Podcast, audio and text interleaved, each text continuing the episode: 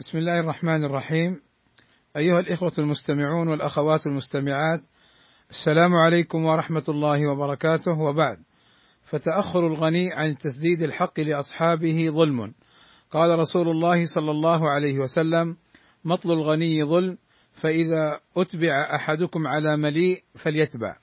قال ابن عبد البر هذا يدل على أن المطل أي التأخير على أن المطلع على الغني حرام لا يحل إذا مطل بما عليه من الديون وكان قادرا على توصيل الدين إلى صاحبه وكان صاحبه طالبا له لأن الظلم حرام قليله وكثيره انتهى.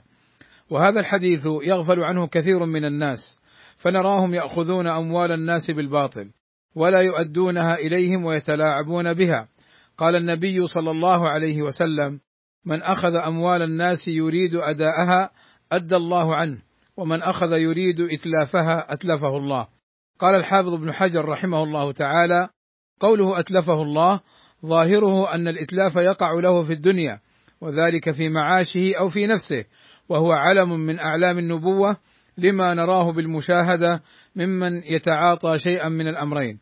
قال ابن بطال فيه الحظ على ترك استئكال أموال الناس والترغيب في حسن التأدية إليهم عند المداينة وأن الجزاء قد يكون من جنس العمل وفيه الترغيب في تحسين النية والترهيب من ضد ذلك وأن مدار الأعمال عليها وفيه الترغيب في الدين لمن ينوي الوفاء. انتهى.